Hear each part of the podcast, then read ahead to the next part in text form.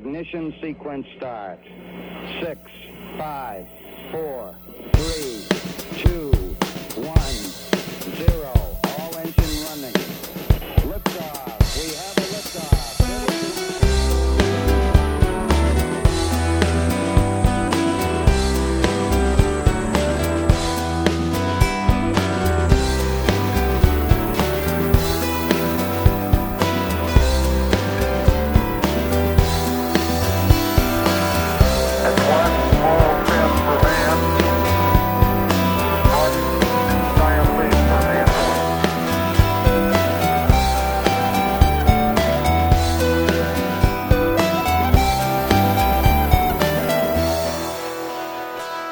Välkomna till januariavsnittet av Slottspodd, Slottsskogsobservatoriets poddradioprogram, som är något försenat den här månaden eftersom vi har haft jullov och annat. Men eh, den här gången ska vi prata om metan på Mars, om idéer till nya NASA-projekt, om sjöar på Saturnusmånen Titan, om mörk materia, om supernovor och vita dvärgar och om fem färska exoplaneter. I studion idag, eller rättare sagt i köket på Slottsskogsobservatoriet, sitter eh, Gunnar Sporron. Hallå, hallå. Tjena Gunnar. Och så sitter ju jag, Emanuel Blume.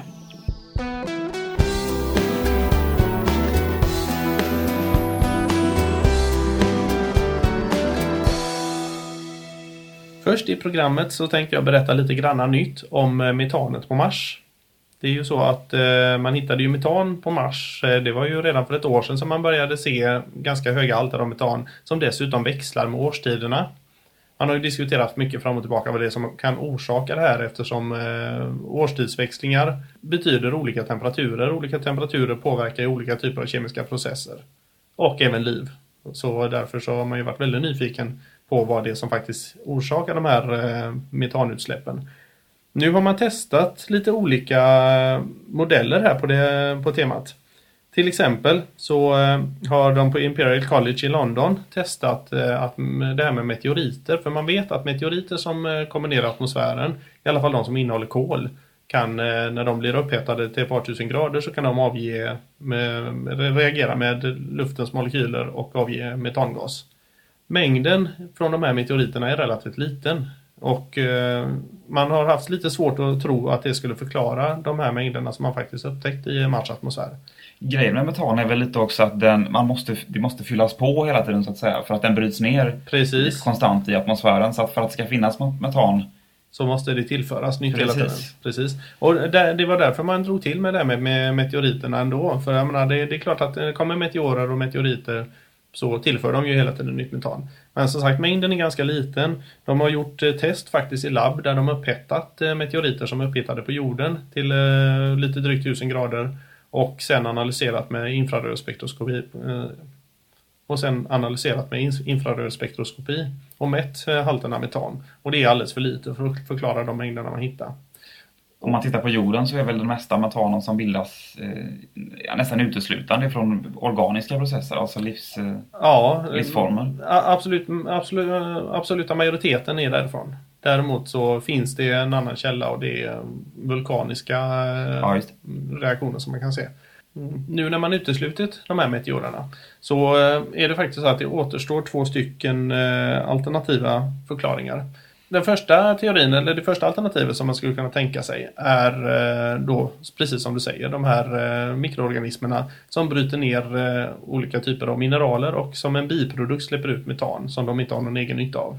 Och det skulle finnas den typen av mikro, mikroorganismer då ner, någonstans nere i Mars skorpan. Inte säga. omöjligt, inte omöjligt i alla fall. Och det är ju ganska spännande. Och skulle det nu inte vara så, så återstår ett annat, ett annat exempel som skulle kunna ge upphov till samma mängder av metan och årstidsväxlingar. Och det är vulkaniska bergarter i kontakt med flytande vatten. Just det. Och oavsett då om det är någon av de här förklaringarna så är det ju extremt intressant både och. liksom. Definitivt, för bägge, eh, bägge kan ju ändå antyda att det kan finnas liv. Det finns flytande vatten så finns det fortfarande möjlighet att hitta liv. Ja, det är ju en av förutsättningarna för life as we know it som vi brukar Ja, säga. precis, precis. Just det, då ska vi eh, återvända till jorden här för en kort stund.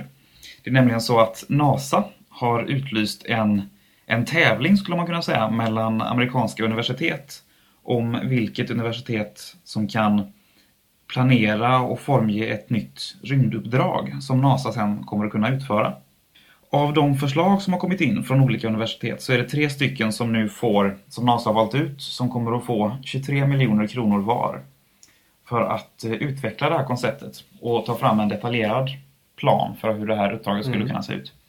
Med ekonomiska kalkyler och med vilken teknik som ska kunna användas och sådär. Och så småningom ska då NASA välja ut ett av de här tre som kommer att genomföras som del av eh, det här programmet som NASA har, New Frontier, omkring 2018. Det är samma Okej. program som New Horizons är med. Det här eh, Mm. Pluto Plutosonden, ja precis. Och de tre eh, universiteten då som är aktuella nu, det är ehm, University of Colorado som har ett projekt, en, en idé till ett projekt rättare sagt, som de kallar för SAGE, S-A-G-E. Som är en förkortning för The Surface and Atmosphere Geochemical Explorer. Som eh, handlar om Venus. Tanken är att man ska släppa ner en sond i Venusatmosfären som ska göra mätningar först i atmosfären och sen landa och göra mätningar på ytan. Och det är lite spännande för det var ju ett tag sedan vi var där sist. Ja, det var väl en rysk, eh, två stycken ryska Två projekt ryska, ja. som landade på Venus. Varav den ena tror jag överlevde en halvtimme och den andra en och en halv timme tror jag. Ja, just det. Precis. Det, Hur ska de, ha- har du sett något förslag på hur de ska skydda sig mot det här? är det det de ska ha de 23 miljonerna till tror jag. Ja, okej, ja, det kan nog behövas. Ja, jag tror också det. Um, japp. Och det var på 70-talet det här, så det var ju ett tag sedan vi var där. Mm. Det andra universitetet är University of Arizona som har ett projekt vars förkortning är Osiris Rex. Som står för, en, det är en, står för den helt fantastiska benämningen Origins Spectral Interpretation Resource Identification Security Regolith Explorer Spacecraft. Okej. Eh, här, här efter Osiris Rex då. Eh, tanken med det är att man ska ta en liten, liten minisond och landa på en asteroid i eh, asteroidbältet. Och eh, därifrån så ska man ta med sig omkring 60 gram asteroidmaterial. Trevligt. Precis, verkligen. Och så skicka tillbaka till, till jorden då. Det roliga med att landa på en asteroid är att man inte behöver så mycket påputtning sen när man ska hem igen. Nej, just det. Vi får hoppas det går bättre än för den här japanska var det väl som var ute och körde för eh, några år sedan som då egentligen inte var tänkt för att landa utan kretsade kring en asteroid ett tag. Sen när de Mm. kört klart med den så eh, gjorde de en chansartad laddning med utan landningsställ och grejer. Det Jaha. blev ju en liten krasch men de fick några närbilder i alla fall. Ja, okej. Men den kunde inte lyfta sen i alla fall. Nej, jag tror inte de lyckades med det. Nej, okej. Det sista, sista idén kommer ifrån University in St. Louis och det är ett projekt som de kallar för Moonrise. Och som namnet antyder så är det månen det handlar om. Man vill skicka en sån till månens sydpol. Där man tror att det finns material som kommer ifrån månens inre. Mhm. Och eftersom man tror att månen är en, eh, en utkastning av jordmaterial så kan man lära sig både mycket om jordens och månens ursprung på det här. Just det. Så då återstår det att se vilket av de här koncepten som NASA då tycker är värt att satsa på. De är, de är alltså tvungna att välja ett. Ja, de har ju tagit ut de här tre då, Ja. för det är de som de, de vill satsa på. Precis. Och sen då så får vi se då vilket som de i slutändan väljer. Så de vill ju egentligen inte för alla de här tre. Ja, det är klart. Det är klart. Eh, sen är tanken att det får kosta max 4,6 miljarder kronor att, att eh, hela det här projektet. Det som nu blir valt. Mhm. Så det ska bli spännande- spännande att se vilket det blir. Och eh, då ska vi kasta oss lite längre ut i solsystemet, närmare bestämt till Saturnus. Eller rättare sagt till Saturnus måne, Titan, som är en av de mest intressanta månarna faktiskt i solsystemet. Det är nämligen så att rymdsonden Cassini, som har varit och kretsat i Saturnussystemet nu i sedan 2004 är det va? Mm, något sånt är det. Jag Jag kommer tror det är inte ihåg exakt. 2004. Upp mot fem år nu alltså. Sex år. Jesus. Just det, tiden går fort. Ja. Cassini har alltså tagit ett eh, mycket spektakulärt fotografi av, av Titan som föreställer en sjö på norra halvklotet. Mhm. Och det här är alltså det första fotot av det här slaget. Ja, det må jag säga. Ja, och då är det inte en sjö, eh, vattensjö som vi skulle kunna förvänta oss på jorden utan en sjö förmodligen av etanol eller metanol. Etan eller metan till och med. Ja, precis. Just det. Ja, så kan det gå när det är live. Eh, vilket det inte är. Nej. precis. Just det, det här blir bra. Ja. Det här fotot visar en, en reflektion i den här sjön på norra halvklotet av, av solljuset. Mhm. Så man kan se hur solljus går ner genom atmosfären och reflekteras upp på den här glatta ytan. Så man har kunnat, se- man har kunnat se eh, lite, näst, i princip hur stor den är. Man tror att Mm. den är ungefär 400 000 kvadratkilometer. Vilket är stort. Har vi något att jämföra med? Ja, det finns inga sjöar på jorden som är så stora utan det är nästan lika stort som Sverige faktiskt. Okej. Med tanke då på att, eh, att eh, Titan är betydligt mindre än jorden så är det en Mm. eh, rejäl yta vi snackar om. Ja, precis. Så såvida inte det är en gigantisk spegel som någon har placerat där så är det förmodligen en, en, eh, en sjö av något slag. Jag hoppas på det första i och för sig. Ja, Det hade varit, det hade varit ännu mer spännande nästan måste jag säga. Ja, man kan alltid hålla tummarna. Eh, oavsett vilket det visar sig vara så har man gett det namnet för Kraken Mare. Mare är ju hav på latin och Kraken är ju en, eh, ett, ett, ett havsvidunder. Mhm, okej. Ehm, eh, mytologiskt sådant. Jag vet inte riktigt hur de tänkte där men det finns nog någon tanke bakom. Då får jag passa på att fråga. Eh, finns det någon bild på det här? Det finns det absolut. Eh, Man kan till exempel gå in på vår hemsida som eh, har adressen, eh, Slottskogsobservatoriet.se kort och gott. just det, Utan massa ven och grejer. just det. Där har vi det. Då så. Då tänkte jag flytta ut oss ännu längre ut. Faktiskt. Och det vi ska prata om nu är mörk materia. Det är ju ett alltid lika spännande område att prata om. Verkligen. Och eh, det här är definitivt inga absoluta bevis för mörk materia, men eh, jag tänkte vi börjar på 1800-talet. På 1800-talet var en man som hette John Herschel aktiv inom astronomin. Han eh, konstaterade det att vi är omgivna av en ring av stjärnor. Av starka stjärnor dessutom. Han tittade runt om i vår närmsta omgivning och konstaterade det att det finns eh, en förtätning av stora heta stjärnor inom ett område, en ring runt eh, solsystemet. Nej, inte om, runt solsystemet, men alltså eh, runt om i vår omgivning här som är ungefär 3000 ljusår i diameter. Eh, något som på den tiden inte gick att förklara.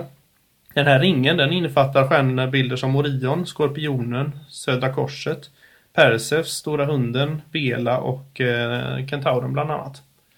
Och eh, ja, förstås inte bara stjärnbilderna utan alla stjärnor runt omkring området. För det här med stjärnbilder är ändå lite fiktivt sådär. Men eh, den sträcker sig i den sträckningen och den som är lite orienterad på himlen konstaterar snabbt det att eh, den här är ju inte parallell med Vintergatan. Nej precis, det blir lite tvärtom nästan va? Så det är Ja. både Södra Korset och de norra Ja, det är precis. Den är förskjuten lite grann så att vi får en, en vinkel på 20 grader mot Vintergatan ungefär. Ah. Så att den innefattar lite utanför och lite i Vintergatan. Och ehm, den, eh, som sagt, 3000 ljusår, det låter mycket men det är egentligen inte så himla mycket om vi tänker på hur tjock Vintergatan är där vi befinner oss. Eh, Här där vi befinner oss just nu är den ungefär 10 000 ljusår tvärs över. Det är lite drygt tre gånger den här ringens diameter. Ja, så, så det är en ganska liten eh, grej i förhållande till galaxen i alla fall då. Och nu så är det en forskare som heter Kenji Becky från University of South Wales, Sydney, Australia. Eh, han konstaterar det att den här ringen måste ha bildats för ungefär 30 miljoner år sedan. Hans Eftersom stjärnorna är ungefär så gamla eller? Ja, precis. Eh, för att eh, tittar man på åldern på dem, det finns ungefär eh, tusen, storleksordningen ungefär tusen stycken som är riktigt massiva, det vill säga tio gånger solens massa eller större. Och ungefär en miljon mindre stjärnor i samma område. Mm. Som, eh, så, så att det, och man kan, eh, i och med att vi har en hel population med stjärnor, kan man räkna ut ungefär hur gammal den är. Och den eh, ligger ungefär på 30 miljoner år, vilket är ganska nyligen astronomiskt sett. Ja, absolut. Och då, han konstaterar det att, eller hans förklaring på det hela ska vi säga, är att det kommit förbi en klump med mörk materia med ungefär en miljon solmassor som blåst förbi eh, våra krokar här för eh, ungefär 30 miljoner år sedan. Och nu borde alltså ligga i riktning mot stjärnbilden Skorpionen, ungefär 9000 ljusår bort. Oj!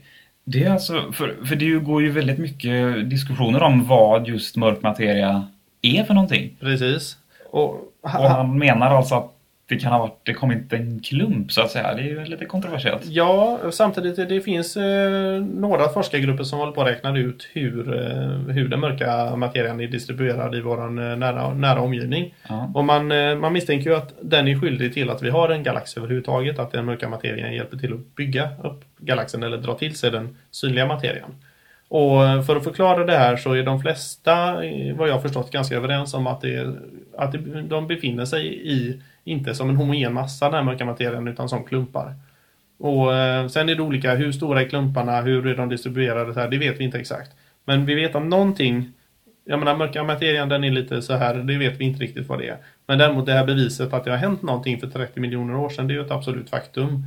Och eh, riktningen är man ganska säker på också eftersom vi har ringens eh, vinkel i förhållande till Vintergatan. Och hastigheten som krävs för att åstadkomma det. Man försöker förklara det med gasmoln och det ena och det andra. Vi vet bara att någonting har färdats i den riktningen för 30 miljoner år sedan i den hastigheten. Något väldigt stort och väldigt massivt alltså. Ja, precis. Och vi ser inget borta vid Skorpionen. Nej, precis. Så att, eh, Hade det ja. varit en gigantisk eh, galaxkärna eller någonting så hade vi Mm. sett någonting som lyste. Ja, precis. Så, att, så vi har någonting som har passerat Ja, det. och vi har en hastighet och vi har en riktning. Så att eh, någonstans där ute ligger något väldigt spännande om inte Ja, annat. verkligen. Med detta sagt så tänkte jag gå vidare till en annan spännande sak som också har med eh, stjärnor och ålder att göra. Vi vet ju det att många gamla stjärnor exploderar till supernovor och vi vet att en ännu större del faktiskt inte exploderar till supernovor utan bildar vita dvärgar med små planetariska nebulosor omkring sig. Vi vet ju det att eh, det finns en gräns för hur stor en stjärna kan vara innan den smäller av till supernova. Är den större än en viss eh, nivå så måste den smälla av. Vi vet också det att för att smälla av så måste den ha minst en viss storlek. Men mellan de här två, den minsta storleken och den högsta storleken, så finns det alltså ett litet spann där så vi inte vet exakt var gränsen går. En gråzon liksom, där man inte är helt säker på vad som händer. Ja, precis. Det kan till och med vara så att det är ett spann där som, eh, som det ibland går det, ibland går det inte. Ja. Det är faktiskt så att man har pressat den här gränsen uppåt nu för att man för första gången hittat eh, tre stycken vita dvärgar som har eh, en förhöjning med syre omkring sig. Och vita dvärgar, för att, det ska kunna, för att det ska kunna bli vita dvärgar så Mm. kan det inte bli en supernova så att säga. Nej, Det precis. blir antingen eller. Precis, för blir det en supernova så måste de minst en neutronstjärna i eh, centrum. Det. Så att de här vita dvärgarna, de har, det är ett bevis på att de inte exploderat. Tidigare trodde vi det att stjärnor måste vara ganska stora för att bilda syre. Det behöv- behövs komma upp i ordentlig temperatur inuti. Ja, det, det tror vi ju fortfarande då. Men eh, det visar sig att eh, de kan vara så pass stora utan att smälla av då tydligen. Så det innebär att vi har pressat den gränsen lite uppåt. Nu får vi se hur det blir framöver här men eh, det är flera, eh, flera forskare som jobbar på att försöka söka åt andra hållet då. Från neutronstjärnorna där liksom. Hur, små, hur liten kan en neutronstjärna vara och fortfarande finnas? Man pressar ihop spannet från båda håll så att säga. Precis. Så vi kommer till- troligtvis sluta någonstans med ett litet spann ändå. Oavsett hur vi nu försöker komprimera det här spannet så kommer vi säkerligen hamna på en, eh, ett minsta möjliga spann. För det kommer ju vara säkert möjligt att eh, det kan finnas olika saker som påverkar om det blir en explosion eller inte, även om det är precis passerat gränsen. Vilka grundämnen det är och sådär. Ja, precis. Så till eh, dagens eh, sista nyhet. Det är nämligen så att Kepler, som är ett relativt nytt rymdbaserat teleskop, har hittat fem nya exoplaneter, det vill säga planeter runt andra stjärnor än vår. Kepler är ju byggt just för den anledningen att just att hitta nya, nya planeter. De här fem nya planeterna offentliggjorde man den 4 januari i, i år. Och man har hittat dem med vad man kallar för transitionsmetoden. Mm, just Det vill säga att man har tittat på en stjärna under en lång period och så har man sett hur dess ljusstyrka har varierat. Och när man då ser att den varierar så kan man anta att det går en planet framför som täcker en viss del av stjärnan. Ja, just det.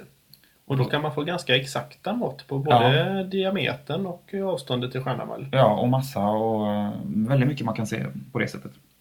De här nya planeterna är allihopa vad man kallar för heta Jupitrar, eller Hot Jupiters. Mm.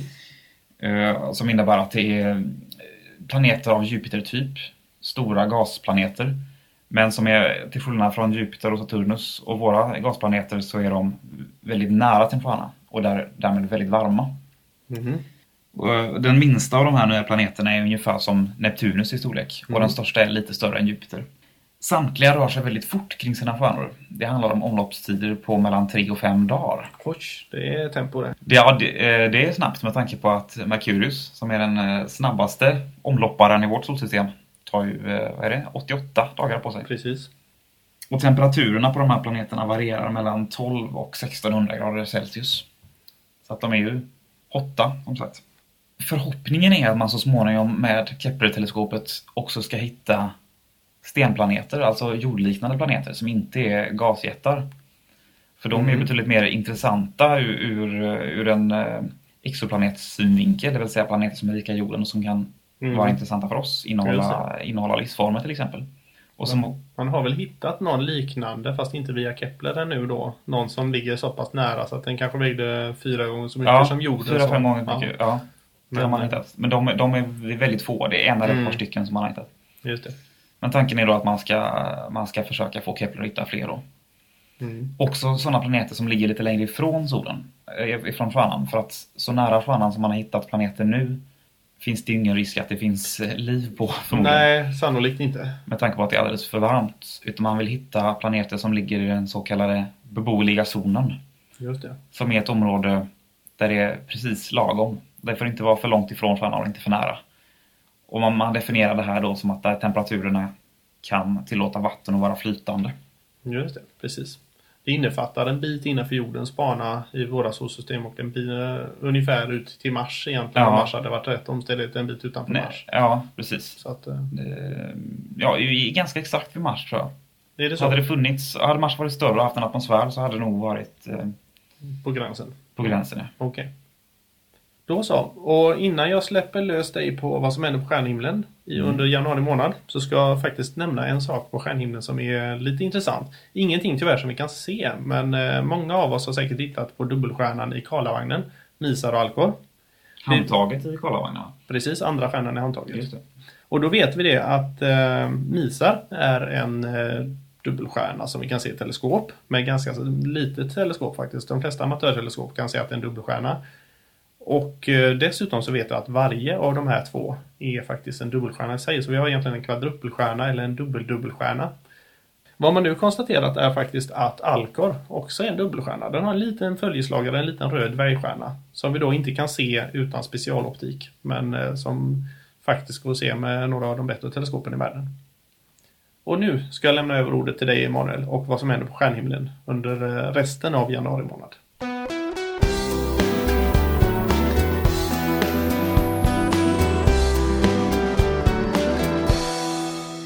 Vi kommit fram till stjärnhimlen under januari månad, nedtecknat av Gunnar Sporrong.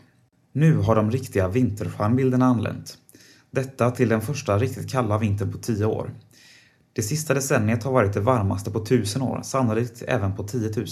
Men nu har vi äntligen ett vad vi skulle kunna kalla för normalår, då vi har kalla gnistrande klara nätter med snö på marken. Det ger fina chanser till att observera Mars i opposition i slutet av januari. Mer om detta senare.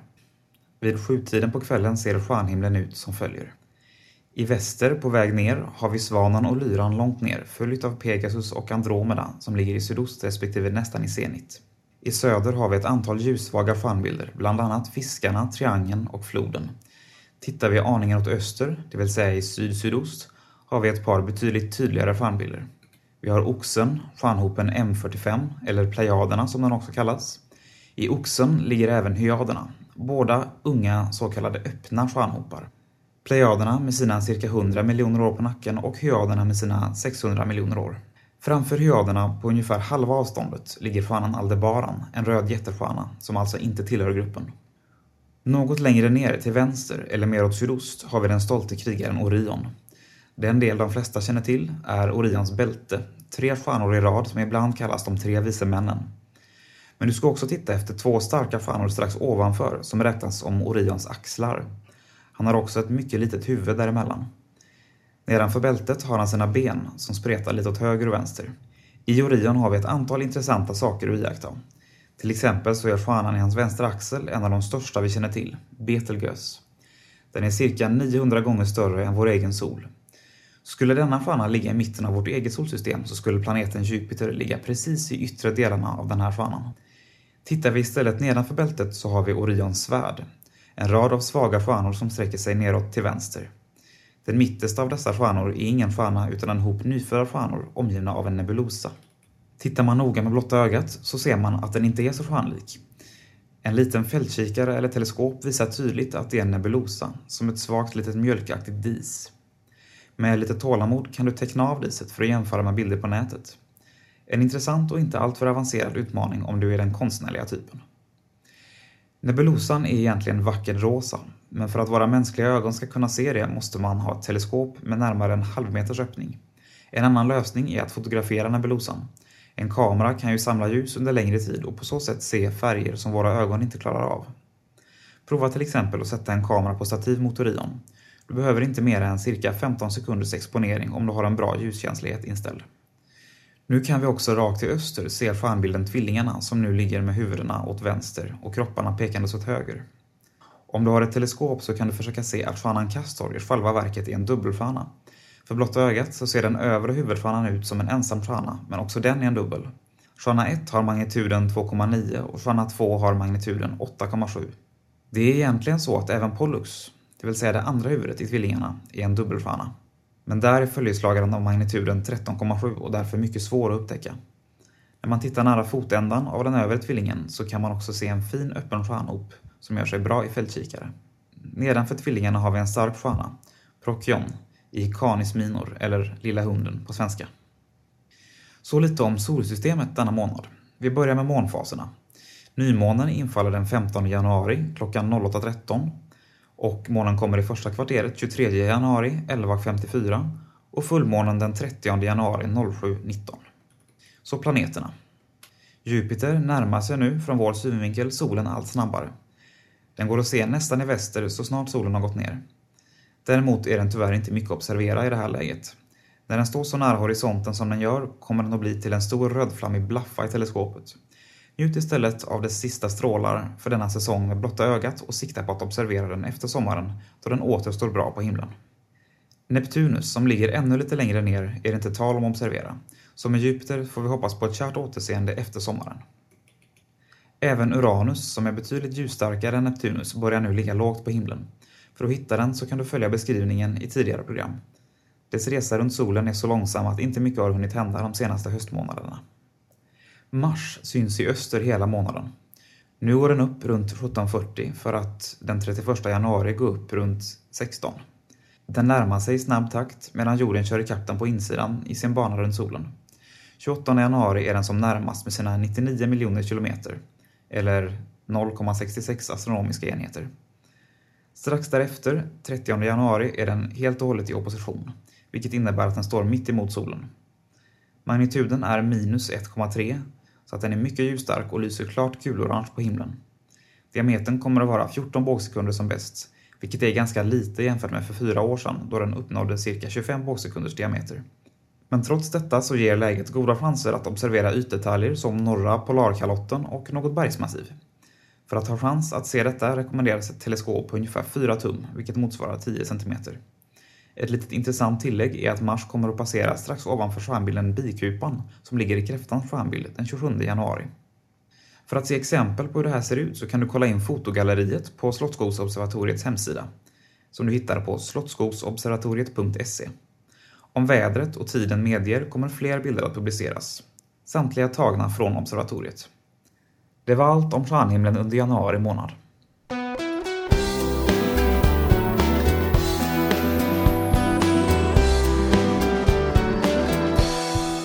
Har lyssnat på Slottspodd, en poddradiosändning från Slottsskogsobservatoriet i Göteborg.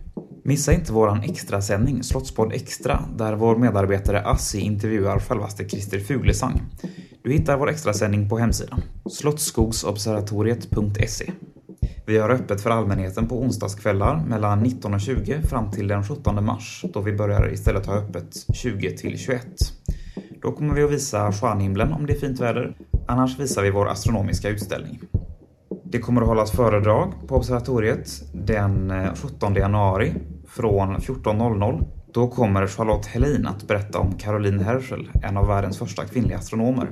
Den 10 februari har vi ett föredrag om universums historia. Men det är inte på observatoriet utan på Naturhistoriska museet som ligger alldeles i närheten. Har du frågor om observatoriet och vår verksamhet eller vill jobba med oss som visningsledare så är du välkommen att ringa till oss på 031 12 63 00 eller skicka ett mejl på g.sporrong gmail.com. I studion idag satt Emanuel Blume och Gunnar Sporrong. Vi tackar för att du har lyssnat på Slottspodd och inbjuder dig att lyssna även nästa månad. Klara skyar!